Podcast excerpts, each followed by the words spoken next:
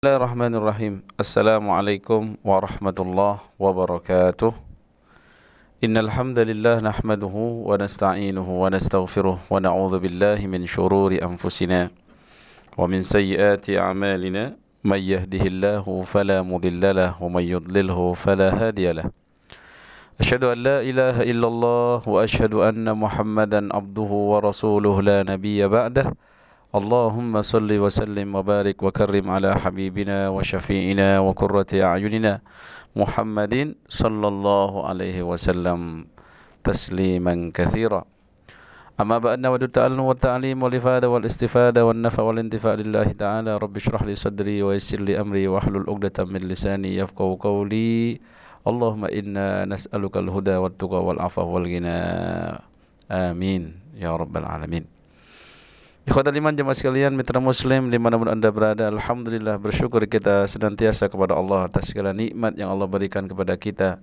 Nikmat iman, nikmat Islam, nikmat kesehatan, nikmat kesempatan.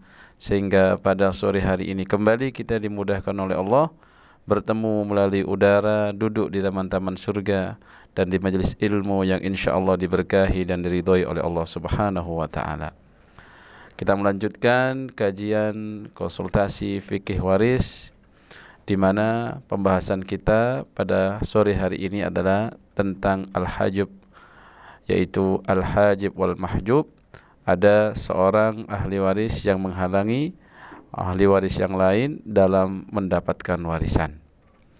Kita awali dulu dengan definisi al-hajib yaitu lugatan dalam segi etimologinya adalah al-man'u yaitu mencegah yaitu terhalang penghalangan gitu ya. Wa syar'an sedangkan dalam istilah terminologi al hajbu itu al hajab itu hajaba yahjibu ya. Man umang qama bihi sababul irthi minal irthi bil kulliyah au min awfa awfari haddaih ya.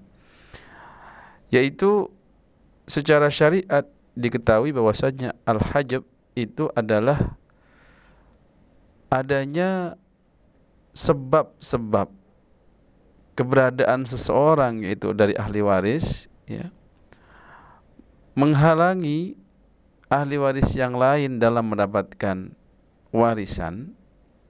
Bil kulliyah balik secara keseluruhan sehingga ahli waris yang lain ini tidak mendapatkan warisan apa-apa au min aufari hadzaih ya atau mendapatkan bagian lebih sedikit daripada yang seharusnya didapatkan jikalau tidak ada penghalang atau hajib ahli waris ini yang berupa ahli waris yang menghalangi ini.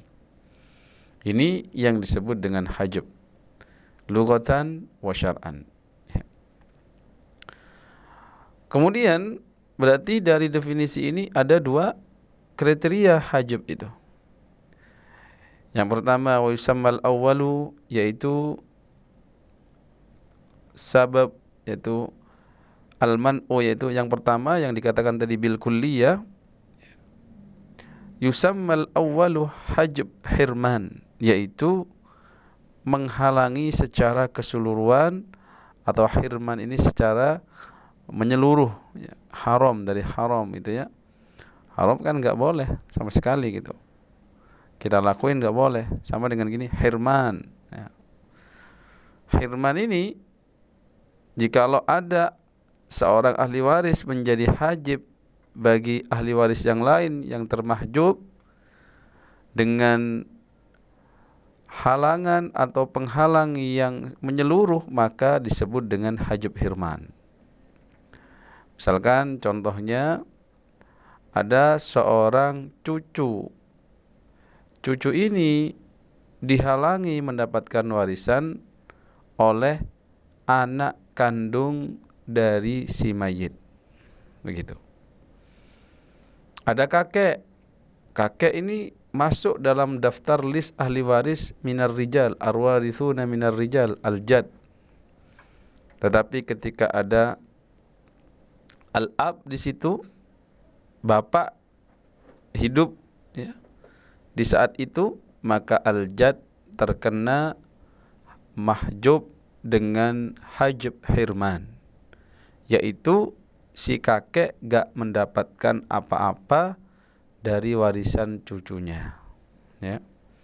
Sekarang cucunya meninggal ya. Seorang anak punya bapak bapaknya tadi punya bapak yaitu kakek.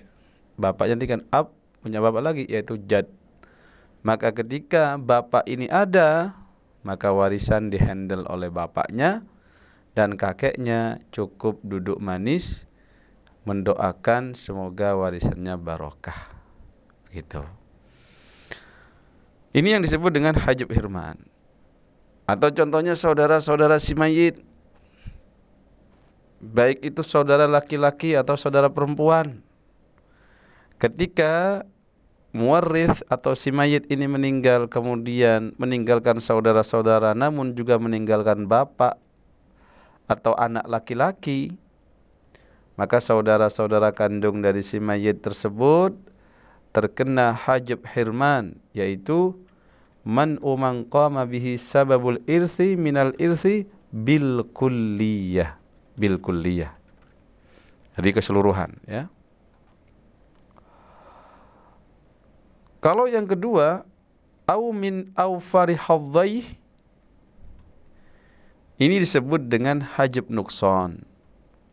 Hajab nukson ini adalah menghalangi tapi hanya yang seharusnya dapat setengah jadi dapat seperempat karena keberadaan ahli waris yang lain. Ini hajab nukson namanya, berkurang setengah itu kan lebih aufar, lebih banyak daripada seperempat gitu ya.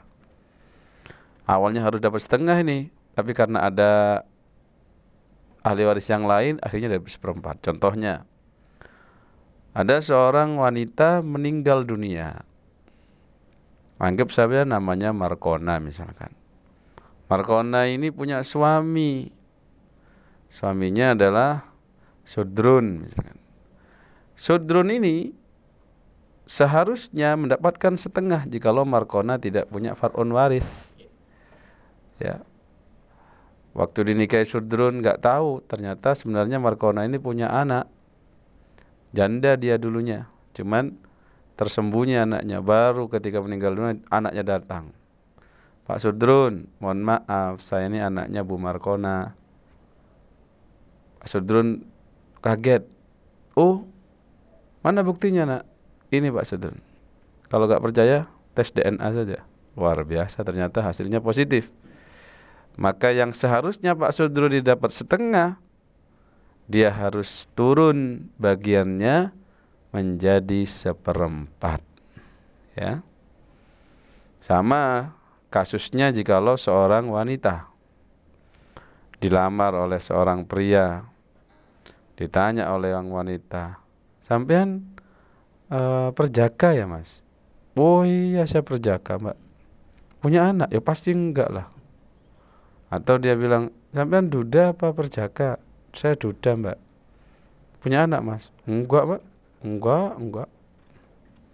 Ternyata nikah ini. Asumsinya ya, seorang perawan tadi ya kalau mati saya dapat seperempat lah dari warisan dia. Karena dia nggak punya anak. Dia sudah suka sakit-sakitan gitu sudah sepuh ya walaupun duda nggak apa-apa lah disabar-sabarin ditelaten-telatenin gitu. Setelah meninggal datang farun warisnya banyak gitu. Dia bilang saya cucunya. Lu ya.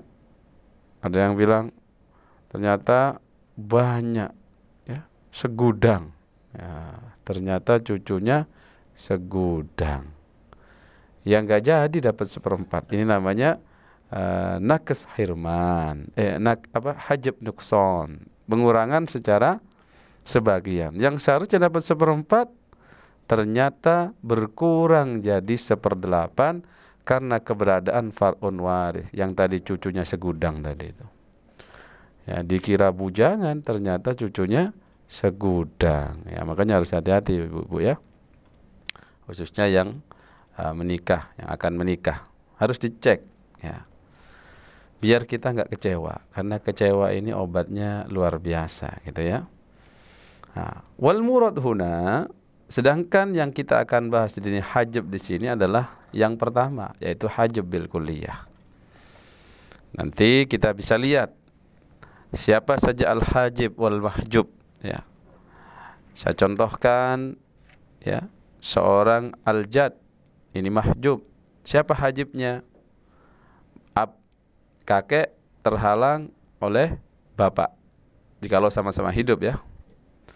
Atau jad akrob minhu atau kakek yang lebih dekat kepada mayit. Misalkan mayit punya bapak, bapaknya nggak ada, sudah meninggal duluan, kemudian punya kakek, kakeknya punya bapak, berarti apa itu? Buyut ya. Maka buyut ini, mbah buyut ini terhalang oleh keberadaan kakek, gitu. Kemudian cucu, cucu laki-laki atau perempuan dari jalur laki-laki, auladu ibin, ibin ibin, bintu ibin, gitu. Itu mahjub terhalang secara keseluruhan jikalau masih ada ibin, anak laki-laki. Ibin ini tembok ini, tembok penghalang yang kuat ini. Atau ibin-ibin akrob minhu. Misalkan posisinya si mayit mati, punya cucu, anak-anaknya sudah mati semua yang laki-laki, punya cucu laki-laki dari jalur laki-laki. Ada lagi cicit gitu.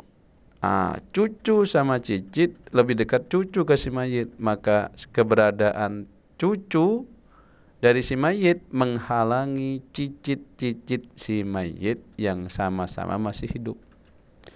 Jadi para cicit bersabar selama masih ada cucu begitu. Kemudian ikhwatal iman jaddah lium. Jaddah itu siapa? Nenek jadda itu nenek itu bisa dihalangi mahjub dia seorang hajibnya siapa um yaitu ibu dari si mayit kalau li um ya, itu cukup dihalangi oleh um yaitu ibu jadi penghalang ini mitra muslim bisa penghalangnya satu bisa dua bisa tiga. Berarti kalau tiga tiga yang masih ada wah ya tambah peluang dapat warisannya dikit. Kalau cuma satu ya bisa jadi. Nah, penghalang saya ini ini. Tapi jangan diniatin jelek ya. Penghalang saya satu-satunya hanya dia. Kayaknya harus segera dikirim panah secara goib biar mati. Wah ini nanti mainnya nih gak barokah ini. Kalau sampai ketahuan dia yang membunuh nanti kena tuh kasus ya akhir apa diberi hukuman untuk tidak dapat warisan. Ya karena al qatl di situ ada pembunuhan unsur pembunuhan. Nah, jadi jaddah li um ini jaddah li um dihalangi oleh um ibu si mayit. Au jadda akrab minha min jihatil um. Atau nenek yang lebih dekat kepada si mayit dari jalur ibu. Ada juga jadda li ab nenek yang seayah. Ini penghalangnya lebih dari dua ini.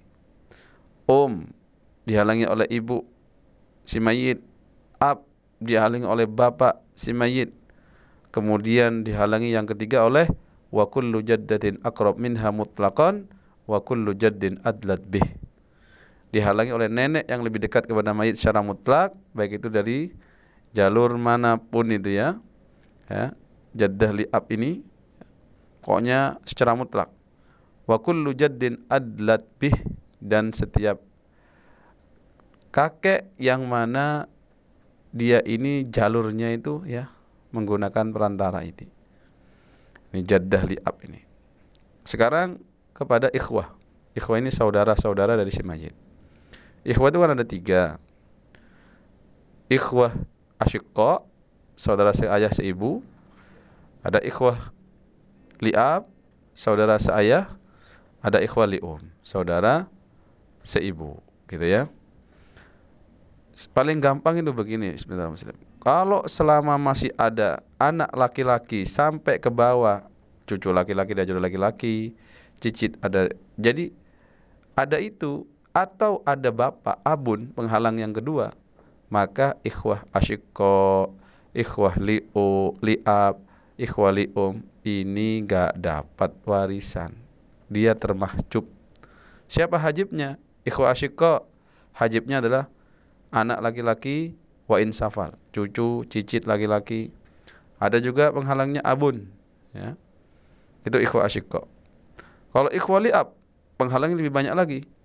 Ibn wa insafal, anak laki-laki sampai ke bawah, cucu cicit, abun seorang bapak, dan ditambah akhun syakik yang tadi. Karena kekuatannya itu ikhwa asyikko dulu, baru ikhwa liab. Kalau ikhwa lium, hmm, penghalangnya ada pertama ibn wa insafal, anak laki-laki. Sampai cucu sampai cicit. Abun, seorang bapak, ya. Kemudian jaddun, kakek. Jadi akun kik di sini nggak menghalangi dia. Ikhwali um ini. Kemudian bintun, penghalangnya ada lima. Wow, tambah banyak ya. Ikhwali um tuh penghalangnya ada hajibnya ada lima. Ibin, anak laki-laki wa insafal sampai ke bawah, cucu cicit. Abun, bapak.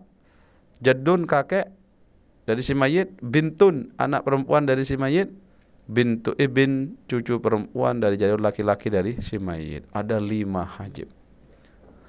Kita tuntaskan saja. Kemudian ada jalur ponaan sekarang. Ibnu akhin syakik, ya. Anak laki-laki dari saudara sekandung. Ini penghalangnya juga lima. Ya. Ibn wa insafal, anak laki-laki, cucu, cicit ke bawah jalurnya. Abun, bapak, Kemudian dihalangi juga oleh jaddun, kakek, akhun syakik. Jadi ibnu akhun syakik namanya ada bapaknya, anaknya minggir dulu kan. Ibnu akhun syakik ini kan ponaan dari si mayit dihalangi oleh saudaranya si mayit, akhun syakik yaitu bapaknya di situ. Atau akhun liab atau saudara laki-laki seayah itu menghalangi ibnu akh syakik. Kalau ibnu akh liab Penghalangnya lebih banyak lagi. Kalau tadi lima, jadinya enam ini. Ibn wa insafal, anak laki-laki sampai ke bawah, cucu cicit. Abun, bapak, jadun kakek, akhun syakik menghalangi juga ibnu akhliab. Bahkan akhliab sendiri itu bisa menghalangi ibnu akhliab. Ditambah lagi ponaan ibnu akhsyakik. Wah, ada enam. Anak laki-laki dari saudara sekandung itu bisa menghalangi ibnu akhliab. Ya menghalangi siapa? Anak laki-laki dari saudara seayah. Nah, kemudian selanjutnya ada amun. Amun ini saudara si mayit ya. Bukan saudara paman. Jadi si mayit punya bapak, bapaknya punya saudara laki-laki. Itu amun itu ya. Amun syakik itu dihalangi juga oleh ibin. Ada saat ada kurang lebih di sini ada tujuh ya tujuh penghalang tujuh hajib tambah banyak ini siapa yang menghalangi amun syakik? Yang pertama ibn wa insafal anak laki-laki sampai ke bawah cucu cicit. Abun bapak jadun kakek akun syakik saudara sekandung dari si mayit. Akun liab saudara seayah laki-laki saudara saudara laki-laki si mayit yang seayah. Bahkan ibnu akun syakik ya. Ini ponaan dari saudara seayah seibu itu menghalangi amun ya, paman kemudian ibnu akhin liab ibnu akh liab ini anak laki-laki dari saudara seayah itu juga menjadi hajib dari amun syakik kalau amun liab ya penghalangnya sama satu dua tiga empat lima enam tujuhnya sama sampai ibnu akhun liab itu malah ketambahan amun syakik yang keberapa tadi? Satu, dua, tiga, empat, lima, enam, tujuh, delapan hajibnya. Ya. Nanti kemudian kalau generasinya sampai ibnu Amsyakik, anaknya paman, ya, paman yang sekandung ini, ini penghalangnya sama, ibn wa insafal. Nah, ini sampai uh, penghalangnya ini ibn wa insafal, ya. Abun bapak, jadun kakek, akun syakik saudara sekandung si mayit akhun liab ya. saudara laki-laki seayah ibnu akhin syakik anak dari saudara kandung ya laki-laki ini ibnu akhliab kemudian amun syakik amun liab sembilan ini ini ibnu ammu ini kalau yang ter yang terakhir ini ibnu amun liab ini penghalangnya jadi sepuluh kayaknya potensi dapat warisannya jauh gitu ya tapi kalau Allah takdirkan dapat ya dapat juga mitra muslim. Jangan khawatir ya. Semuanya sudah ada tulisannya itu. Jadi Ibnu Amli Ab yang terakhir ini hajibnya adalah satu ibn wa insafal. Dua abun ya, bapak. Jaddun yang ketiga kakek. Yang keempat akhun syakik. Yang kelima akhun liab. Kemudian yang keenam ibnu akhun syakik. Ketujuh ibnu akhun liab. Delapan ammun syakik. Ya. Sembilan ammun liab. Yang terakhir sepuluh ibnu ammun syakik yaitu ibnu amin syakik yaitu anak dari paman ya yang sekandung. Insya Allah itu mitra muslim semoga sempat hafal ya. Kalau tidak dicatat saja. Tapi biasanya mitra muslim keberadaan anak laki-laki dengan bapak itu sudah cukup banyak penghalang itu rata-rata di situ sudah KO itu ya. Baru kalau dua-duanya nggak ada ini kita melirik yang lain. Selama dua-duanya ada ini itu benteng ini bagaikan tembok Cina ini tinggi sekali dan kuat. Ya, kalau ada dua-duanya tambah kuat, salah satunya sudah bisa menghalangi secara kuliah, apalagi ada dua-duanya. Ya intinya, kalaupun kita terhalang menjadi ahli waris, tidak ada masalah, karena itu sudah ada ketentuan Allah. Semakin kita faham, semakin kita tidak mempermasalahkan itu, karena memang ini adalah ketentuan Allah dan Rasulnya dan menunjukkan bahwasannya harta ini hanya titipan. Ketika sudah mati, maka dikembalikan kepada ketentuan Allah dan Rasulnya. Maka kita berharap ketika kita mentaati apa yang Allah tentukan dan Rasulnya, kita mendapatkan janji Allah, tilka hududullah wa may yuti'illah wa rasulahu yudkhilhu jannatin tajri min anhar wa dzalikal fawzul. Itu adalah semuanya ketentuan Allah. Maka tatkala kita ikuti ketentuan Allah itu dengan sami'na wa ata'na, maka kita akan dimasukkan ke dalam surganya dan itulah keberuntungan bagi kita yang cukup luar biasa. Tetapi sebaliknya, wa may ya'sillaha wa rasulahu wa yata'adda hududahu yudkhilhu naran khalidan fiha wa lahu adzabun muhin. Barang siapa mereka yang melanggar ketentuan hukum warisnya dari Allah itu Seenaknya sendiri yang bilang gak adil, yang bilang gak sama, yang bilang kenapa harus dibedakan antara anak laki-laki dan anak perempuan Padahal dulunya anak perempuan gak dapat apa-apa gitu ya sebelum Islam datang maka dia itu adalah orang yang akan dimasukkan oleh Allah ke dalam neraka selama-lamanya di dalamnya dan dia akan diberikan siksa yang menghinakan. Sudah siksa menghinakan lagi. Nauzubillah. Semoga kita selamat dari apa-apa yang diancam oleh Allah dan kita mendapatkan janji-janji kebenaran dan kebesaran dan nikmat dari Allah Subhanahu wa taala. Cukup ini dalam termin utama ini subhanakallahumma bihamdika asyhadu an la ilaha illa anta wa natubu ilaik. Terima kasih. Ustaz Imam tadi masih menjelaskan di awal Muslim Haji Wal Mahjub terkait dengan hijab hirman yaitu seorang ahli waris yang dalam memperoleh seluruh bagian lantaran ada ahli waris lain yang lebih dekat. Jadi orang yang termahjub tidak mendapatkan bagian apa pun karena adanya hajib tadi. Pembagiannya tadi dijelaskan ketika kakek terhalang oleh ayah, kemudian nenek dari ibu terhalang oleh ibu dan lain sebagainya. Memang e, untuk belajar faraid atau ilmu waris kita harus juga mencatatnya agar kita hafal. Namun untuk Anda yang di sore hari ini mungkin masih bingung atau bertanya-tanya terkait dengan beberapa pertanyaan, Anda boleh langsung tanyakan di sore hari ini. Insya Allah akan dijawab oleh Ustadz Imamul Arifin LCMHI melalui telepon silahkan 0315245555 SMS dan WhatsApp juga boleh 0855 3938. Tetaplah bersama kami dalam program konsultasi fikih waris kami akan segera kembali. Anda sedang mendengarkan konsultasi Fikih Waris.